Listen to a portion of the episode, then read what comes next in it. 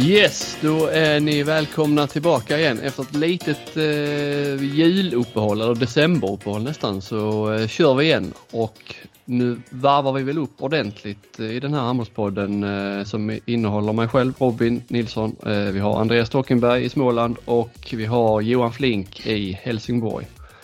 God dag! God dag! God dag! Är ni laddade för handbolls-VM? Ja, jag är det så in i helvete.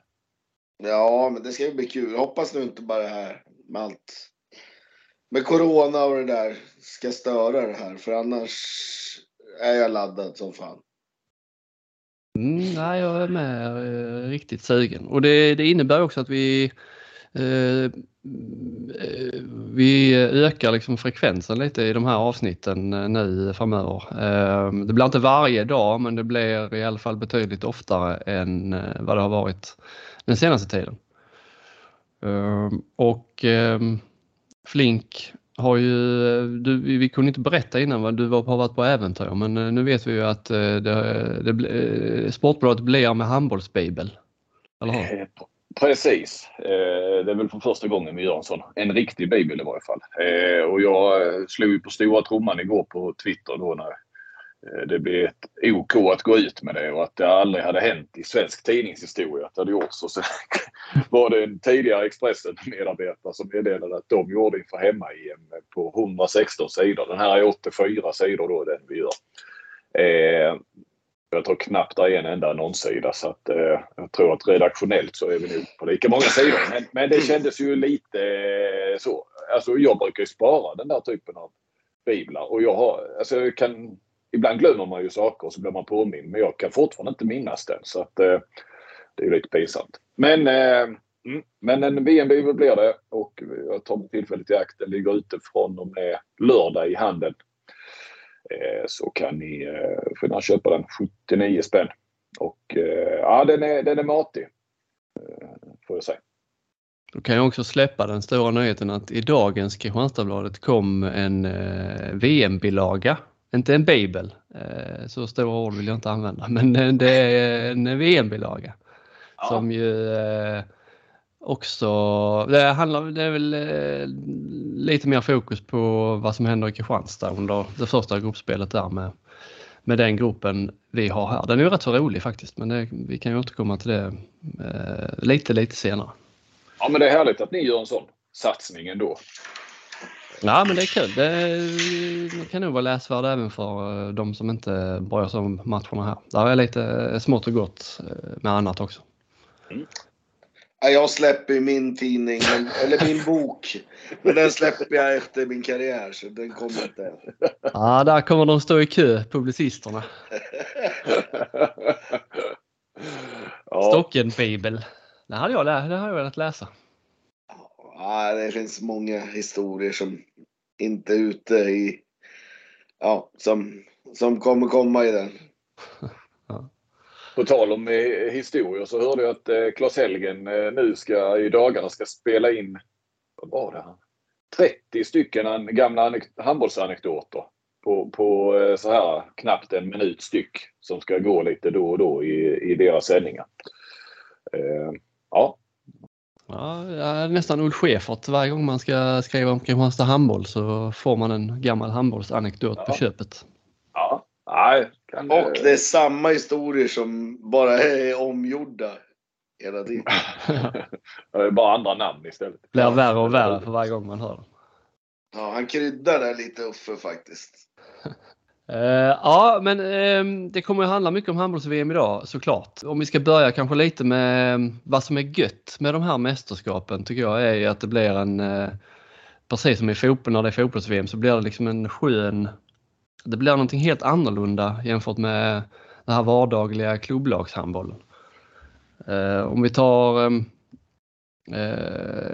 ja, dels liksom det här med om man tittar i fotbollen så har man ju de eh, pengarullningarna och klubb, klubbarna som köper, eh, liksom där vi har i, PSG har vi Messi, Neymar och Mbappé. De, de, de möjligheterna finns det inte i, alltså det är mycket renare i landslagen, där har man de spelarna man har. Pengar spelar liksom ingen större roll. Och mästerskapen är ju ofta liksom, eh, man, man ser var är handbollen liksom på väg, så vad, vad, är, vad är årets trender? Man ser ofta det mycket tydligare på mästerskapen tycker jag. Eh, och domarmässigt också om man vill eh, lagd åt det hållet och vill eh, se vad, det är alltid spännande att se vad de har fått för saker att fokusera på inför ett VM. Det brukar liksom sätta tonen sen för resten av säsongen och, och kommande säsonger. Men också lite så, eh, om man tittar på, jag kommer ihåg en tweet du hade för ett tag sedan Flink. Eh, det var väl en retweet kanske från boysen där. Det handlar lite om vart handbollen var på väg. Det var, det var ett resultat från Ungern där Vesprem hade slagit, eh, kommer inte ihåg vilka det var. Ja, eh, strunt samma. Eh, Tatabanya tror jag det var. Tatabanya, ja med 50-40. Att det blir liksom så otroligt mycket mål nu för tiden. Och eh, det är liksom inte så mycket ja, taktik på det sättet kanske utan det är mer att försvaren inte klarar av eller har hängt med i samma utveckling som eh, anfallsspelarna har gjort. Att det, det är så mycket power och så mycket kraft och rakt fram, boom, boom, hej och hå. Jag kommer ihåg du sa Flink när du hade varit i Kiel och tittat på handboll där att det, det såg så enkelt ut när, att göra mål. Eh, och det gör det ju faktiskt. Alltså det, det är ju liksom stora delar av matcherna så tycker man äh, att han bara tar två steg och hoppar och skjuter i mål. Liksom. Det är inte så mycket tanke bakom egentligen. Är det något ni eh, Köper du det Stocken, du som ändå tränar och vill kanske väl att det ska vara mer taktik än vad man ibland tycker att det är? Ja, Nej, men alltså, jag tycker ju överlag Alltså de här, om man tittar Champions League och de här eh, landslagen och sådär, då får man ju... Om det är någon som tar de där två stegen så får man göra någonting åt det och det tycker jag man är för dålig på att göra liksom. Jag förstår ju fortfarande inte varför man inte möter upp Dicka Mem i uppspelen. Och att man står där kvar med treorna och ska täcka honom. Det går, det, alltså.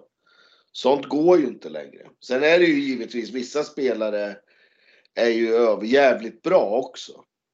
Mm.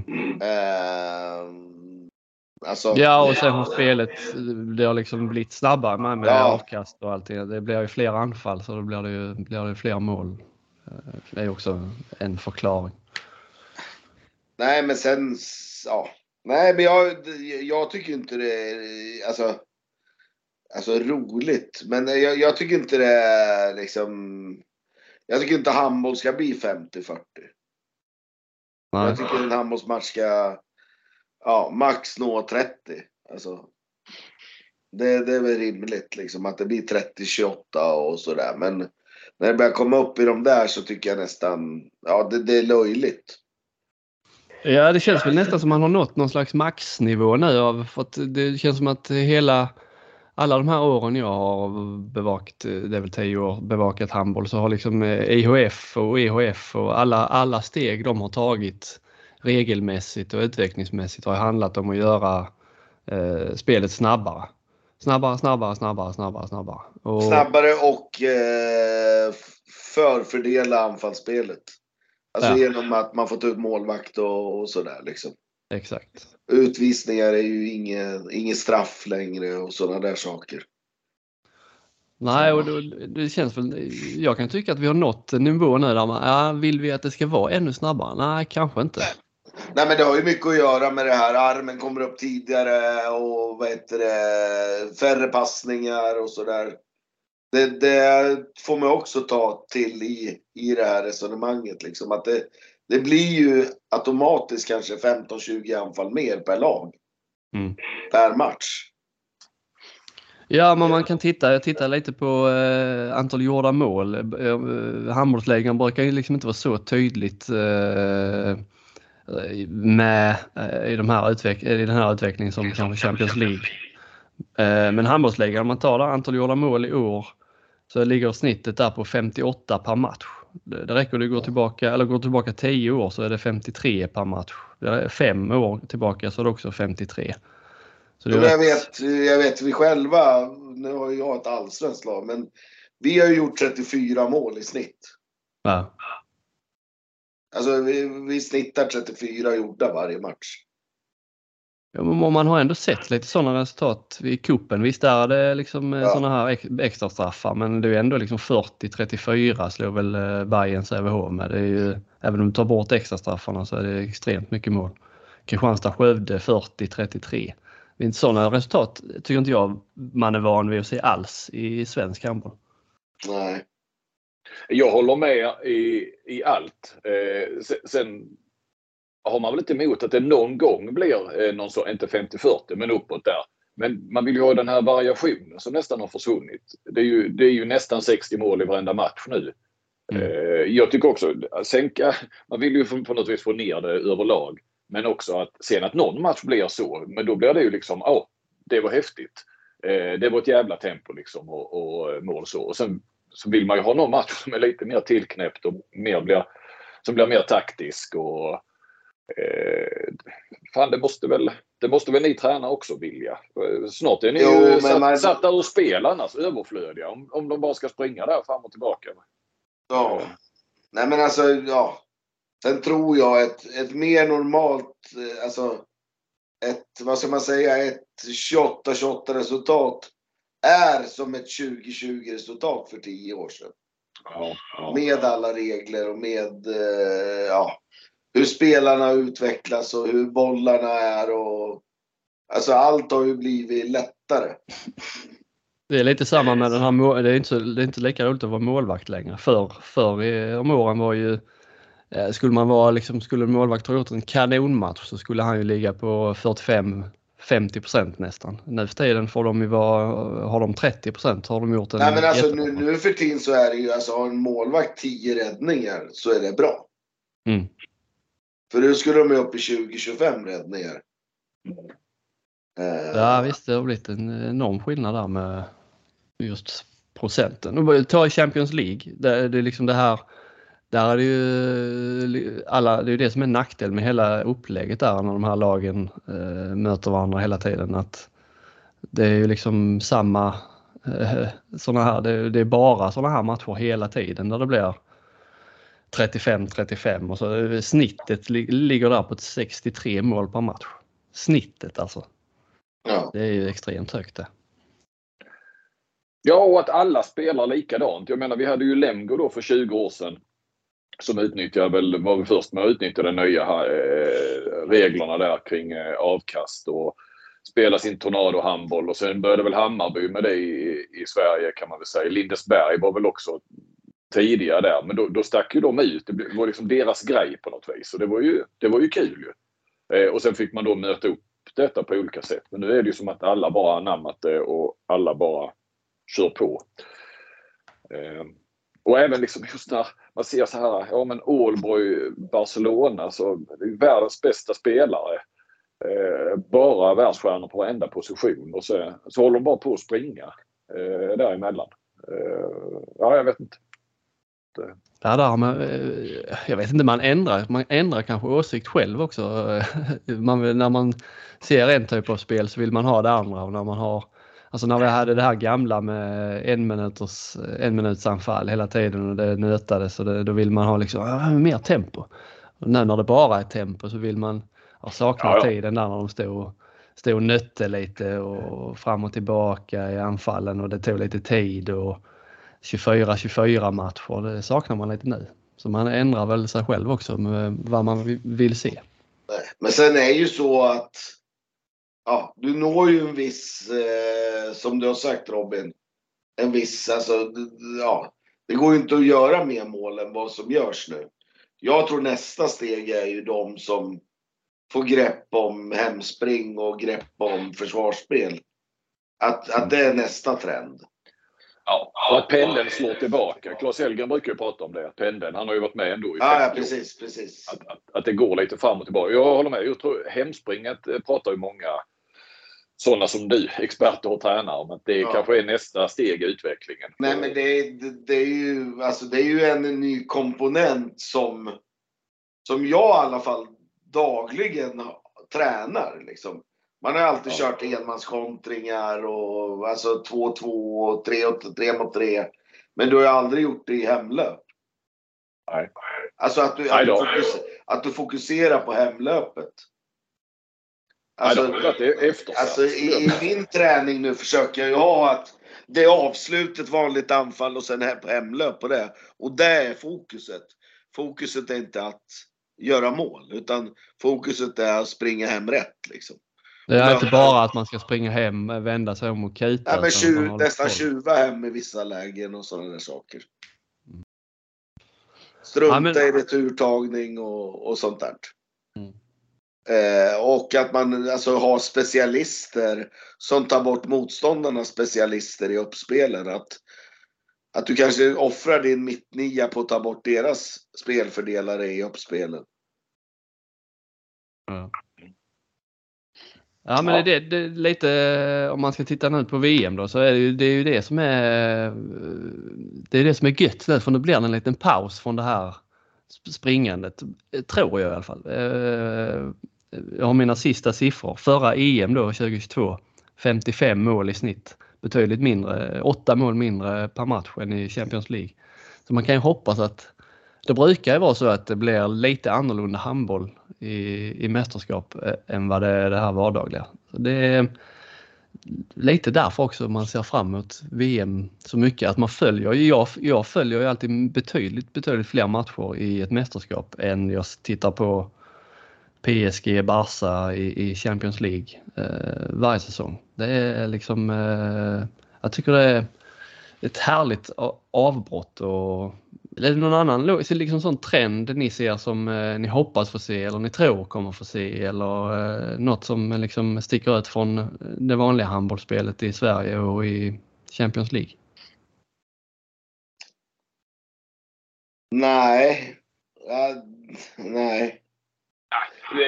Det är klart, eh, nej, ingen sån spelutveckling. Det, det man lite kan, kan hoppas på, men det är väl eh, enfaldigt att tro, är ju att, att det är några lag från andra världsdelar som, eh, som kan hävda sig lite grann här nu. I, i, vi återkommer till det, men det kanske ett ganska ointressant gruppspel. Det är svårt att hitta de roliga matcherna där, eller intressanta matcherna.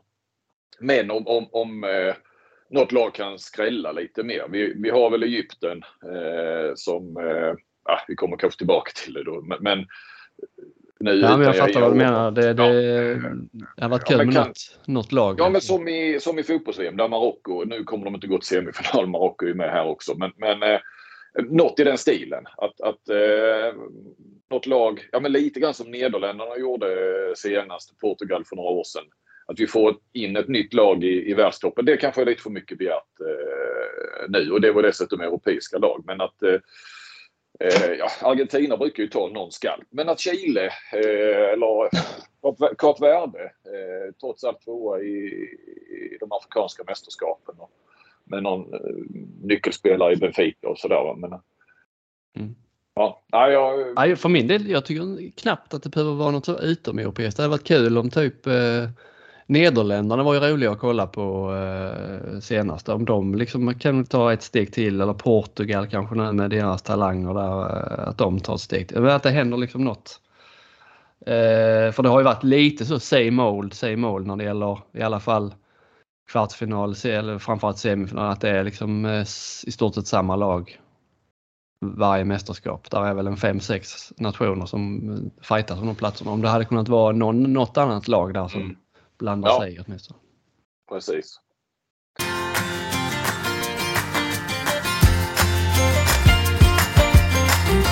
Ja, men när vi var inne på det här med gruppspelet och det vi står inför som ändå kommer att prägla den, den första veckan på, på VM. Eh, så känns ju rätt många grupper eh, här, ja, rätt så, eller många matcher ointressanta. Eh, det är ju ändå tre och fyra lag som går vidare. Sen gäller det såklart att få med sig poäng.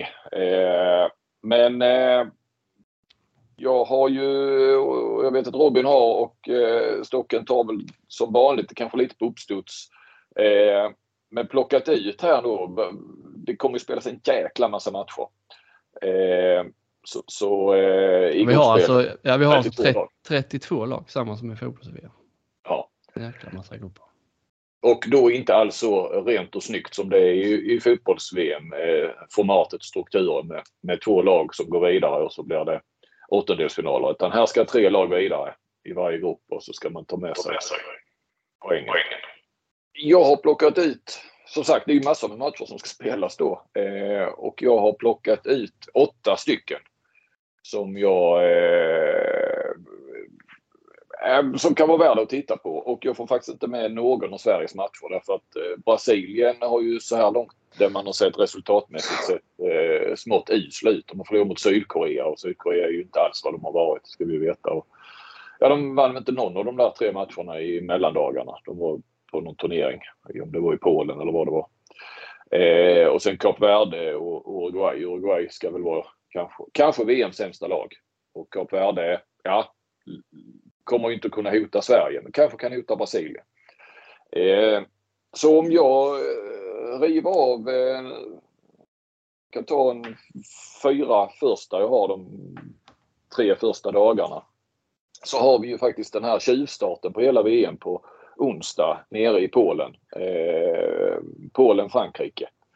Eh, det är ju trots allt hemmalaget mot eh, en av eh, guldkandidaterna och Frankrike som eh, har ju lite skadeproblem och sådär. Så det kan vara intressant att se lite grann var de står.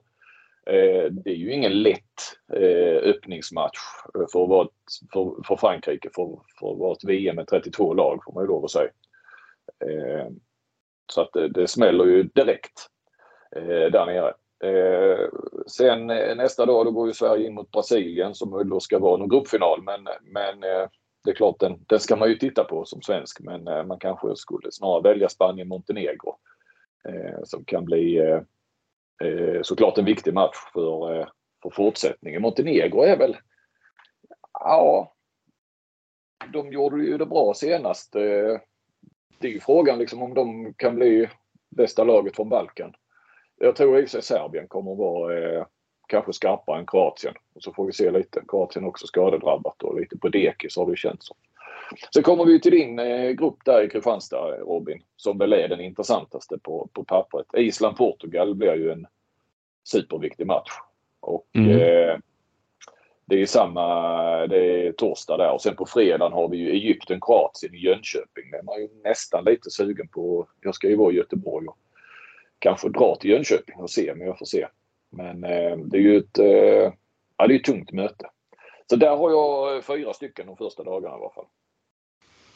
Ja, eh, nu har jag inte eh, dag för dag så, men, men jag skulle ju vilja eh, lyfta vidare där på din eh, inte bara för att den spelar sig i Kristianstad. Jag tycker vi har haft tur med att få liksom om, man, om en, en stad som den här ska få ett inledande gruppspel som ju kanske inte det är liksom inte top notch när man när man bara får det första gruppspelet och sen blir det inte mer. Eh, men eh, med tanke på det så vill jag ändå säga att eh, den gruppen som vi har här är ju just med Island, Portugal och Ungern och Sydkorea där att den är rätt rolig. Alltså, allting talar väl för att Island, Portugal och Ungern kommer att bli de tre.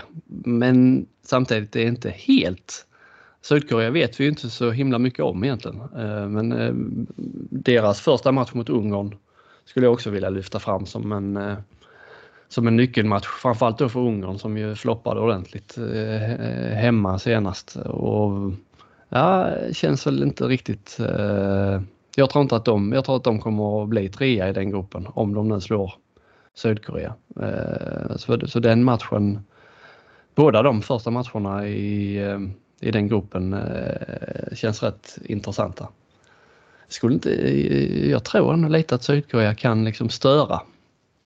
Det är två helt olika stilar där med Ungern, Ungerns fysik och Sydkoreas, vad man tror är i alla fall vad Sydkorea, Sydkorea kommer att spela med, med, sin, med sitt eh, tempo. Eh, sen några matcher till som ju i det här första gruppspelet så är, inte, är det inte superintressant eh, kanske bara med de här topp topplagen. Det är de grupperna där det är jämnt kring tredje och fjärdeplatsen.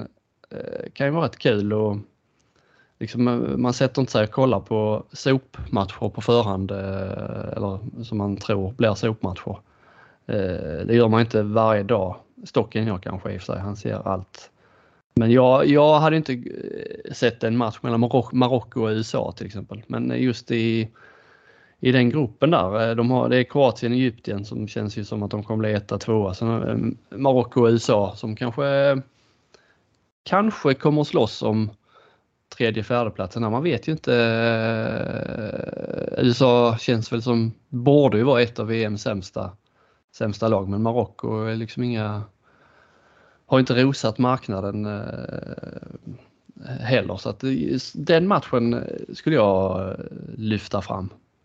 Kanske också en sån grupp som eh, Argentina, Nederländerna, Nordmakedonien, Norge. Det är rätt många matcher där som eh, är av rätt stor betydelse.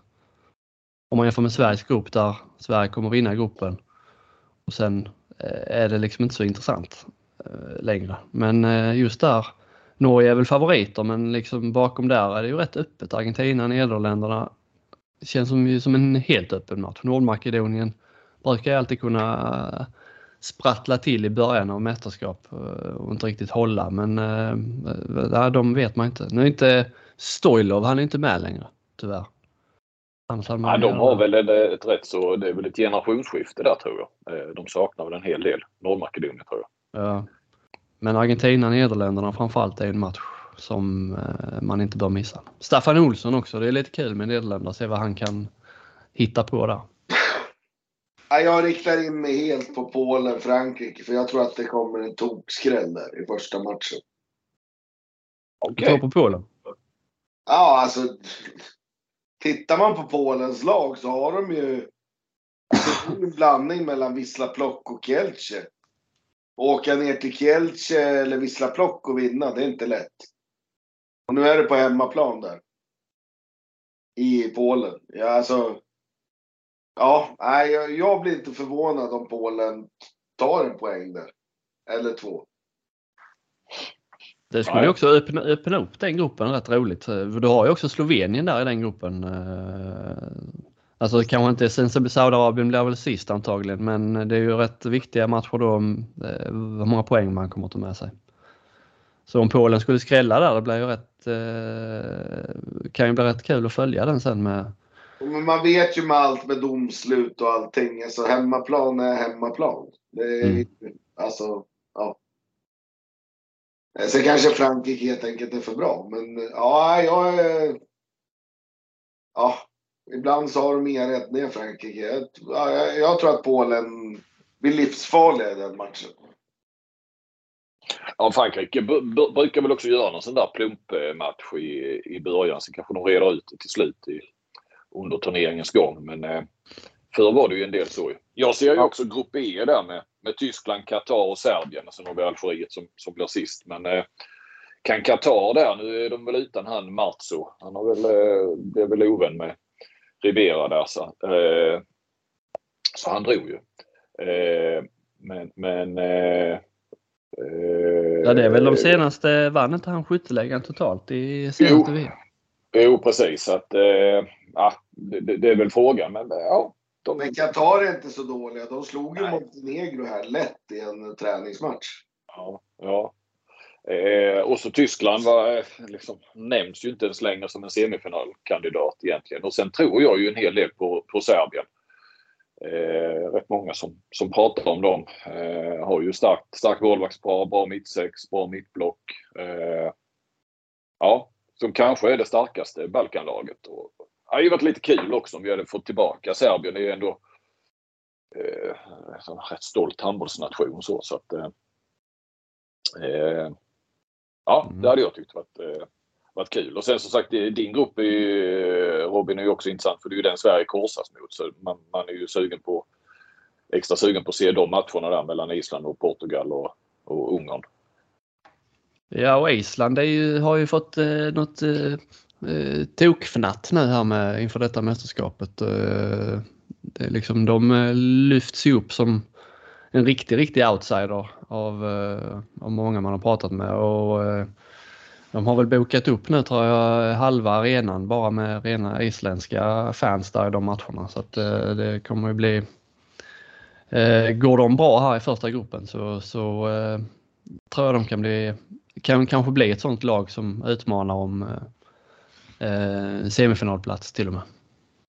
Ja, det är ju en dark horse men de har ju det rätt tufft för eh, förmodligen mycket talar för att de måste slå ut då antingen Sverige eller Danmark. Alltså Sverige i, i, i mellanrundan. Eh, och, och eh, ja, det behöver de inte göra, men slår de inte Sverige och kanske säger att Sverige vinner gruppen och så blir de tvåa, då talar det mycket för att de har Danmark redan i, i kvarten då. Om Danmark mm. vinner sin mellanrunda. Så att den är ju, där är den ju rätt tuff. Eh, då, då kan man ju se mer, eh, ska man säga, Norge och där, den, den sidan där, eller den ska man säga, kvarten. Eh, lite lättare väg fram kanske på många sätt.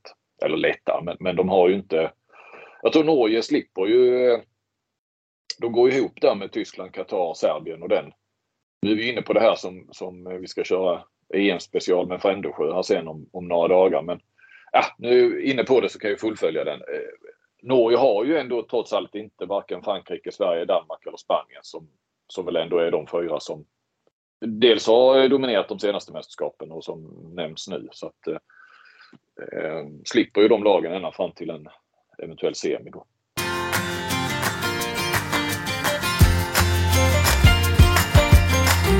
Nu gled vi väl in här lite grann på eh, något som jag tänkte skulle vara någon så här återkommande kanske i våra eh, VM-poddar. När vi ska gå ner på var tredje, fjärde dag eller vad vi sen, ja rätt sagt när VM väl börjar så ska vi försöka hålla oss med den frekvensen. Så vi kör någon sorts power ranking eh, som har blivit ganska populärt de senaste åren i olika sammanhang. Eh, där vi helt enkelt rankar lagen utifrån eh, hur bra de ser ut just nu. Eh, och nu har vi inte så, så jäkla mycket att gå på så nu får man väl gå på någon sorts kanske grundtips och, och, och lite vad som det har snackats om. Ja, det har ju spelats några träningsmatcher men hur mycket man nu ska värdera dem. Ska vi ta och göra den? Ta den punkten. Mm. Ja. Eh, ja, ska jag börja eftersom jag har ordet? Ja, gör det. Eh, ja, men jag, jag, drar igenom mina. Jag har faktiskt eh, rankat åtta lag här. Eh, och då har jag, eh, jag får ju hålla mig lite grann, gör jag i alla fall, till, till mitt eh, VM-tips i, i den här nu famösa bibeln. Eh, jag har ju Sverige som etta. Eh, och det eh, alltså, nu har de ju precis samlats men eh, visst Carl Wallinius eh, eh, försvann och eh, in kom då istället eh, Olle Forsell Schäfert. Men eh, Solberg gjorde ju klart igår på pressträffen jag var i Halmstad att eh, han och Linus Persson är tredje val på vänster respektive högernio och kommer ju Ja, en av dem lär väl sitta på läktaren ihop med, med, en, eh, med den tredje målvakten så att säga. Eh, sen är det ju som tidigare, de, de har ju 18 man och där kan de ju, det är en ny matchtrupp så det är ju inga byten i truppen så att säga. Så att eh, de kan ju blanda och ge där lite grann. Men annars har ju inte Sverige drabbats av, liksom, det är ju inga andra bakslag så här. Eh, tvåa har jag ju Danmark. Eh, och sen har jag då puttat upp, eh, gått på håsen här lite kring Island som jag har haft som en dark horse men jag har inte dem i semifinal i mitt grundtips. Men jag petar in dem som trea. Det är så jäkla mycket snack om Island nu. Eh, fyra Spanien, femma Frankrike. Eh, där har vi liksom de klassiska. Alltså sexa Norge och sen har jag ju då Serbien sjua och så har jag Egypten åtta. Eh, skadan på Yahya Or. Men jag, jag har ju trott och hoppats lite grann sådär på Egypten just eh, att de skulle fortsätta där de slutade med, med, jag menar vi ska inte glömma att hemma VM där så hade de ju den kvartsfinalen mot Danmark. De åkte på straffar. Det, hade de haft 25 000 i ryggen, eh, om det inte hade varit coronamästerskap, så hade de nog varit i semifinal. Och sen var de i semifinal i OS. Man hoppas ju lite där att något lag som kan utmana de europeiska stormakterna. Men, men eh, nu känns det väl lite, lite tunt där på högernio eh, med Egypten. Eh, ja, och jag tror rätt mycket på Serbien som sagt. Ändå. Så där, där är väl mina då nu. Mm. Ja, nu har jag i min power ranking har jag bara fem lag. Mm. Uh, men jag har ju, det är svårt, jag, det, nu när man inte har, inga matcher spelats, då får man gå på de eh, små, små, små detaljerna. och um, det jag håller med, jag har också Sverige etta för att det, det finns liksom inga, ingenting som stör. Erik Johansson verkar ju vara, Eh, verkar inte vara något störningsmoment så att han har varit, eh, inte spelat på länge. Eh, och Wallenius, ja att han försvann. Eh, förväntades få kanske lite mindre roll ändå. Eh, men sen har jag eh, eh, Island tvåa. Som ju egentligen inte har, som ju till och med Aron Palmarsson känns ju nu, nu ska han flytta hem till Island efter säsongen. Eh, han kan eh, vara liksom, normalt sett här, eh, blir han ju stelare och stelare ju längre en turnering går men till och med han borde kunna vara liksom han har ingenting att bevisa. Han kan, han har, dessutom kan han, behöver han inte spela hela tiden för de har ju rätt stark, stark 9 meters uppställning nu för tiden. Så att om han, om de matchar honom lite varsamt här nu i början så, så kan de kan de kanske liksom till och med bli bättre och bättre eh, längs mästerskapet. Eh, jag, tror på, jag tror på Island. Och sen har jag Tyskland faktiskt som, som trea. Som ju har, där är en himla massa spelare som har slutat i det landslaget. Men eh, de har ändå, de verkar tro på att de kan vara med om ut, utmana medaljerna igen. Eh, sen vet jag inte, de har den här Knorr, mittnian, Juri eller vad? Juri. Ja. Löven, Löven eh, mittnian som ju verkar, eh, som många verkar tro rätt mycket på där. Att han ska, liksom att de ska ta över den rollen ännu mer och att det kommer att vara han som leder Tyskland i många år eh, framöver nu. Jag tror att de får de en bra start där mot Qatar så, så eh, ger de sig åtminstone själva chansen att vara med. Så de har jag trea i nuläget. Eh, sen är det då Danmark som eh, kanske egentligen borde ligga högt upp. Men nu har de ju störts lite av coronatestandet där med Pytlik som testade positivt. Sen var han väl frisk ändå. Det var väl något gammalt eh, gammal, gammal sjukdom som gjorde utslag. Men det är ändå lite, det finns lite störningsmoment där. Hansen, är det liksom eh, Kommer det bli hans mästerskap det här eller är det liksom nu vi får se ett skifte på allvar? Att eh, det är färdigt eh, för honom. Så ja, Danmark visst, det, det liksom, de har ju en himla massa bra spelare.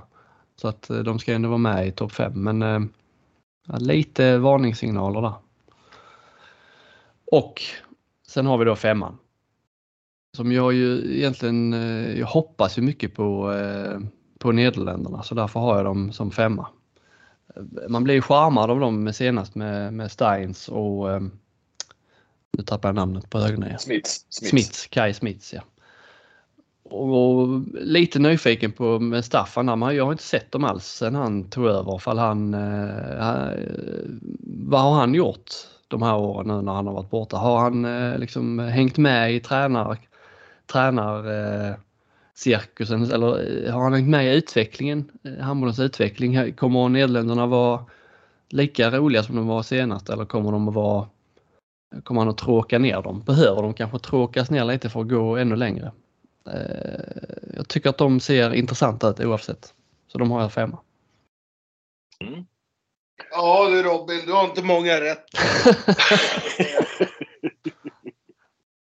Nej, för mig så är det ju, Danmark är ju en klass bättre än alla lag. Det ska ju till ett, ja, jag, jag tror att det ska till ett mirakel om inte de ska vinna det här. Mm. Jag såg dem i landskamp här för, ja, vad är det? lite mindre än ett år sedan. De stod Sverige med 10. Och då gick de med B-uppställningen i princip.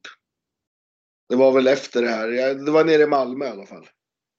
Det var i våras va? Det ja, var väl ja, precis. efter Bokvist hade hoppat av. Ja, och då tänkte jag liksom, hur fan ska Sverige kunna vara i Ja, i närheten. Jag, jag, jag har Danmark solklar etta. Sen slog ju Sverige Danmark nu senast. Ju. Ja, jo, men då, hade Landin. då var ju inte Landin och de här med. Så det, ja.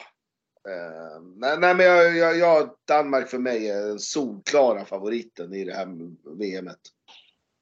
Jag tycker de har, de har allt. De har bredd, de har spets, de har ja, en taktisk tränare och de, ja, på, på något sätt lite revanschsugna efter floppen där mot Spanien i semin sist. Eh, sen eh, tycker jag det är tre lag som eh, är ganska jämna. Ja, det är ju Sverige, Spanien och Frankrike. Och det är lite beroende på liksom. Kommer Frankrike ha några räddningar? Har de det så kan de lika gärna gå till final och vinna.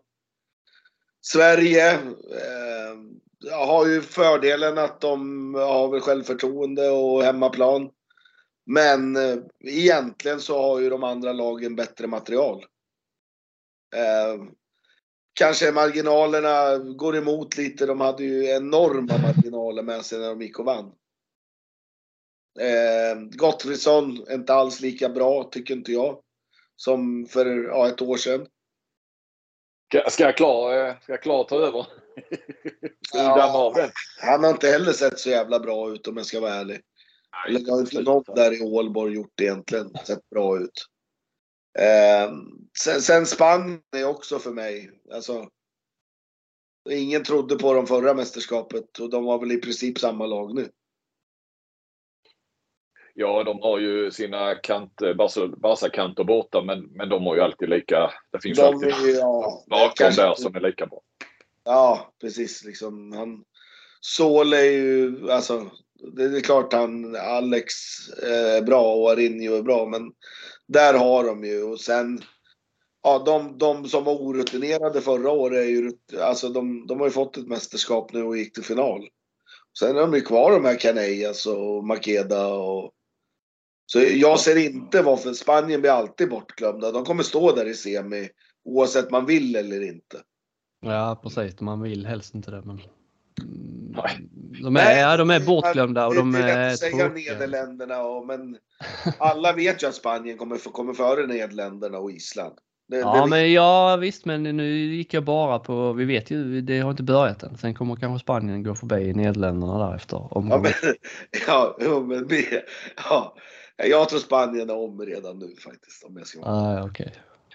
Realist. Eh, Ja, Ja. eh, tråk, lite tråkig power ranking från herr Stockholm. Nej, men jag- sen- anammade ju Robin det mer ju. Just eh, själva greppet power ranking kanske. Jag är mer, jag- jag är mer en drömmare kanske.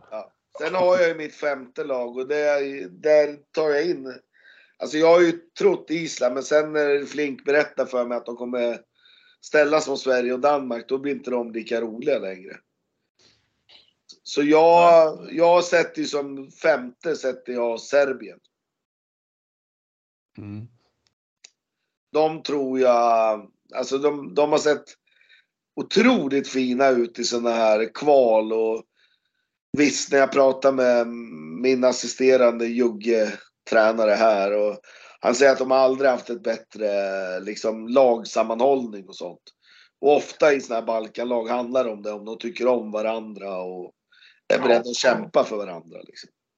Spansk tränare nu också. Girona där va. Eh, Ja. Så är de ju på den fjärdedelen där, där, där man slipper Frankrike, Spanien, Danmark, Sverige. Ja, plus att de kommer ju ha ett jäkla stöd här eh, med, med, med juggar liksom. Ja. Ja. Så jag, ja, jag, får, jag skickar in dem som min dark horse nu. Mm. Jag hade Ja. Island en flink döda dem genom att säga att de har Danmark och Sverige. Ja men tänk Island, de slog ändå Frankrike ju i senaste EM där. De kladdade ju till, alltså de hade ju egentligen kunnat gå vidare där eh, till semi om de inte hade kladdat till det sen mot Kroatien som ju redan var borta. Ja, men det var väl där de föll också på att, var det inte det? Där, där Danmark förlorade mot Frankrike i slutsekunder. Slut, var det inte vilka män som avgjorde den? Alltså det var, de var väl beroende av ett resultat där tror jag. Som avgjorde. Ja men Ja, Danmark de inte borde väl ha gått vidare på inbördes ändå va? Ja. De slog, ju Ja, de slog Frankrike med åtta. Mm. Ja, men det var ju nej. någonting där som gjorde, tror jag. Ja, jag för mig. Men, men ja. Ja, det kommer inte. Nej, det är inte asrolig power ranking, men otroligt realistisk och otroligt sanningsenlig tror jag. ja. Men eh, Tyskland eh, tror du inte alls på då? Nej, vilka spelare där. Ja, du säger Juri Knorr, men ja. eh, ja. Nej, jag, jag, jag ser inte Tyskland som något som nå hot. Det är klart i en enstaka match så kan Tyskland stå vilka som helst, men Nej, de har ju Wolf i mål. Han har ju visat men det kan ju Bahrain med göra som i OS och sådär. De kan ju störa också. Så.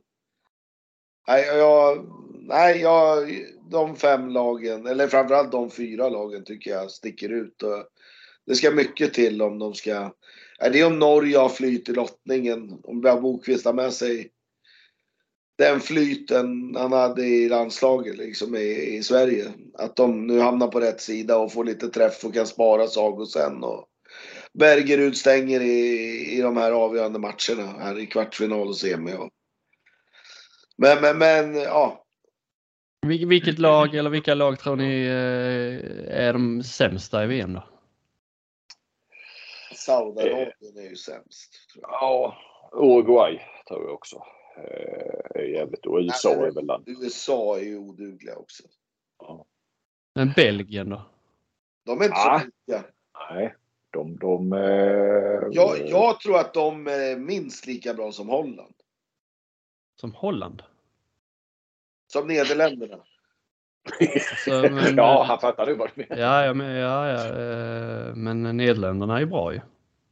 Ja men alltså Belgien, jag tror Belgien, Belgien förlorar med uddamålet här eh, mot Nederländerna i något kval.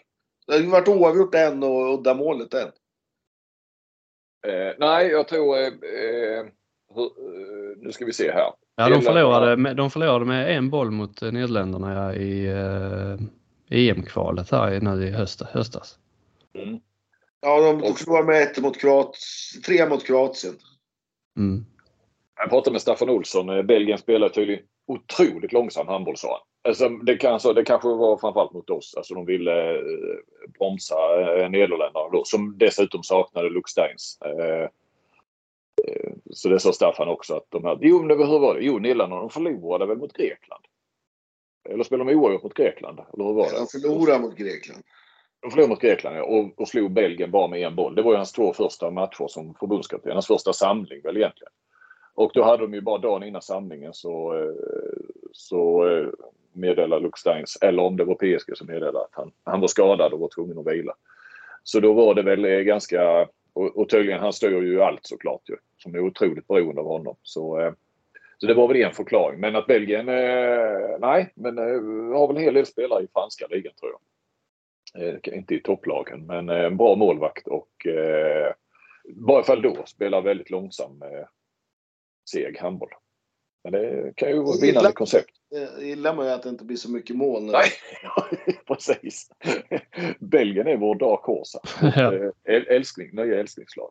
Men de skulle väl egentligen inte varit i VM? Va? De eh, gick väl vidare med eh, Ryssland. väl, Ja, jag tror det var det. De skulle väl spela playoff eller någonting. De gjorde väl det ändå, måste väl ha gjort det hyfsat för att ta sig så långt i alla fall. Annars har de ju liksom aldrig varit framme på det viset ens heller ju. Men, men eh, sen blev det ju en form av gratisplats såklart.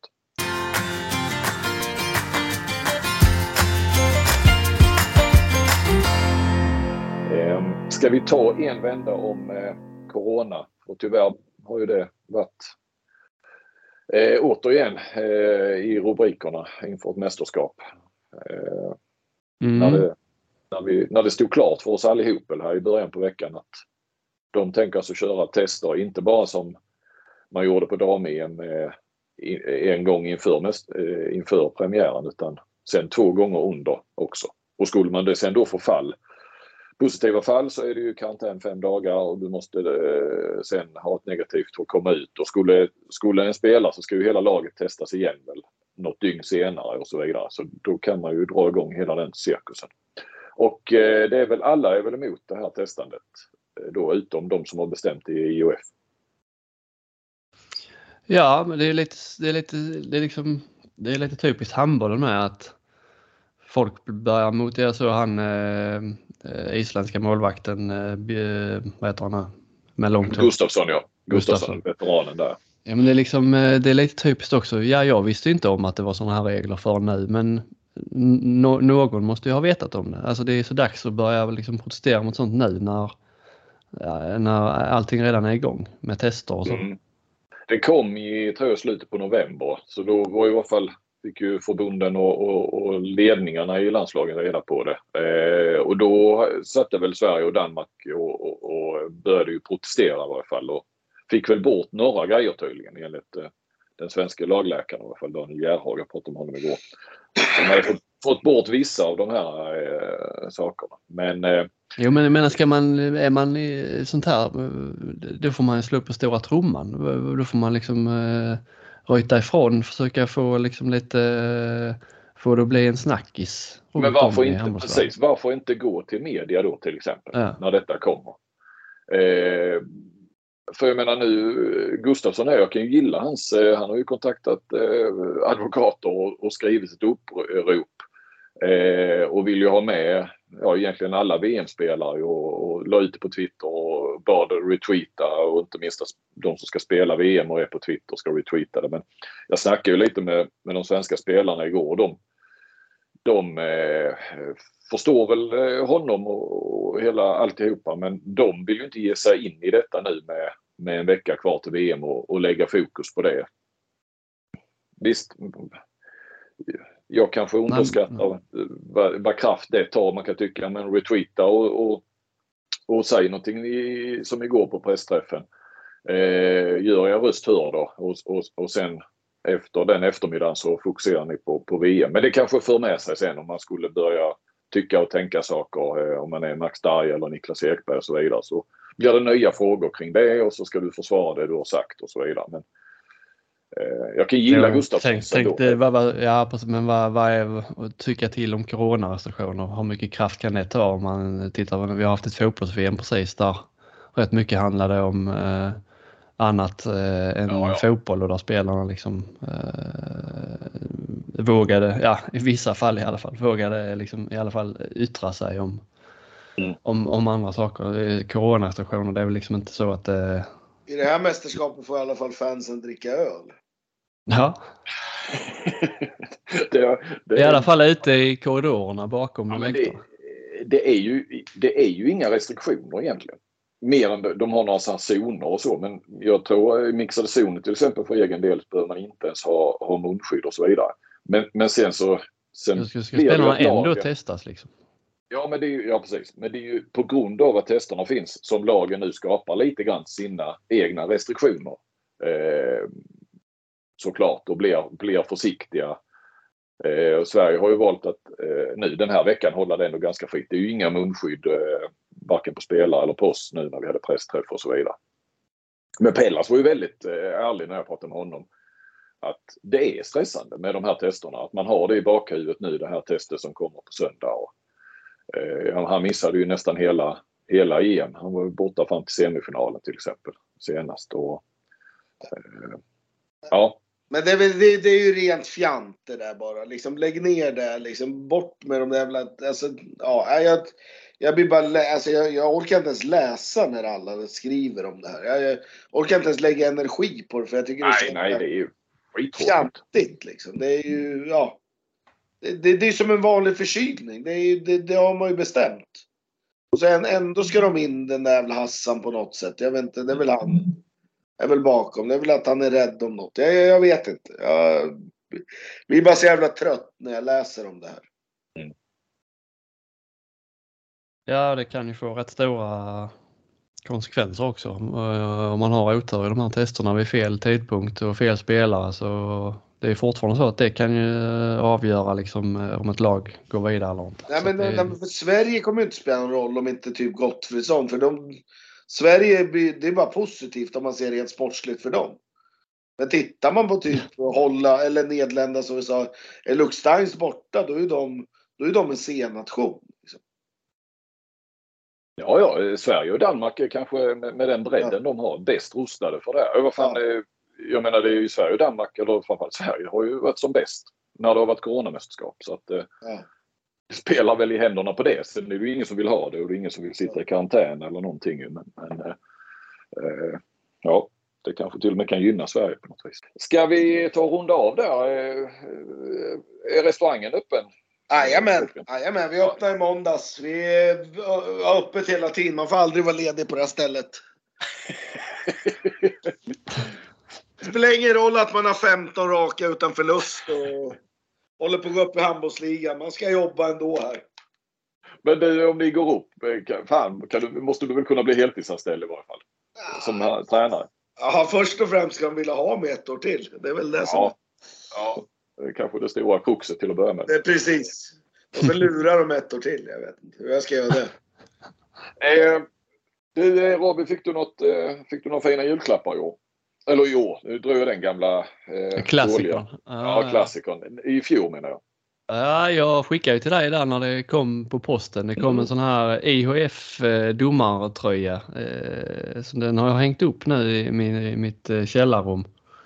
Men det ser ut som att jag har varit på och dömt VM. Jag tror det var, jag fick en tröja från eh, faktiskt eh, Mirza Kurtagic. Han hade väl hört vår podd där när du hade skickat, eh, du tog någon bild där och vi pratade om det att du hade varit och tittat någon Champions League-match och skickat en domarbild till mig. Så eh, jag fick en VM, om det var, kan det ha varit dam-VM eh, som han dömde eh, för, ja det var nog några år sedan, 15, 17 kanske. Någonting ja. sånt. Ja. ja. ren och fin. Jag gillar att den var svart också. Alltså en, ja. en klassisk domartröja så som den ska se ut. Signerad eller? Nej, det var inte signerad. Det stod i och för sig. Uh, han signerade pappret som den kom ja. Den finaste julklappen du har fått i ditt liv? Ja, kanske en av dem. Ja. ja. Eh, bra, men då tar vi och rundar av. Eh, släpper iväg stocken. Ibland, han kanske redan har försvunnit. Eller? Ja. Ja, kanske. Han drog sig. Han, han sa inte hej innan han gick som vanligt. Eh, men då tar vi runda av där. Och eh, så kör vi väl, eh, då kan ni räkna med en special, eh, VM-specialpodd med, med Frändesjö på eh, söndag, måndag här. Och eh, sen kör vi väl på, vi siktar väl på att köra ett, ett eget här med, med stocken till eh, premiären på torsdag. Det gör vi ju. Absolut. Det kommer att finnas mycket att snacka om.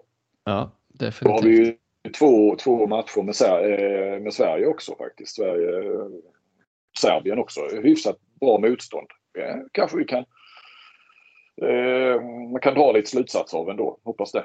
Ja, det är ju lite matcher nu in på, tätt in på så man kan eh, få lite bättre bild av, av lagen. Och så glömmer vi inte att följa, ja, du kommer att pumpa på på Sportbladet och Eh, Kristianstadsbladet.se kommer att pumpa på. Vi, vi kör igång VM-bloggen eh, tillbaka efter något uppehåll här. Eh. Ja, härligt. Själv kommer jag pumpa på på Twitter. Ja, det han var kvar. Ja, det är bra. Då säger vi tack för idag och på återhörande. Hej.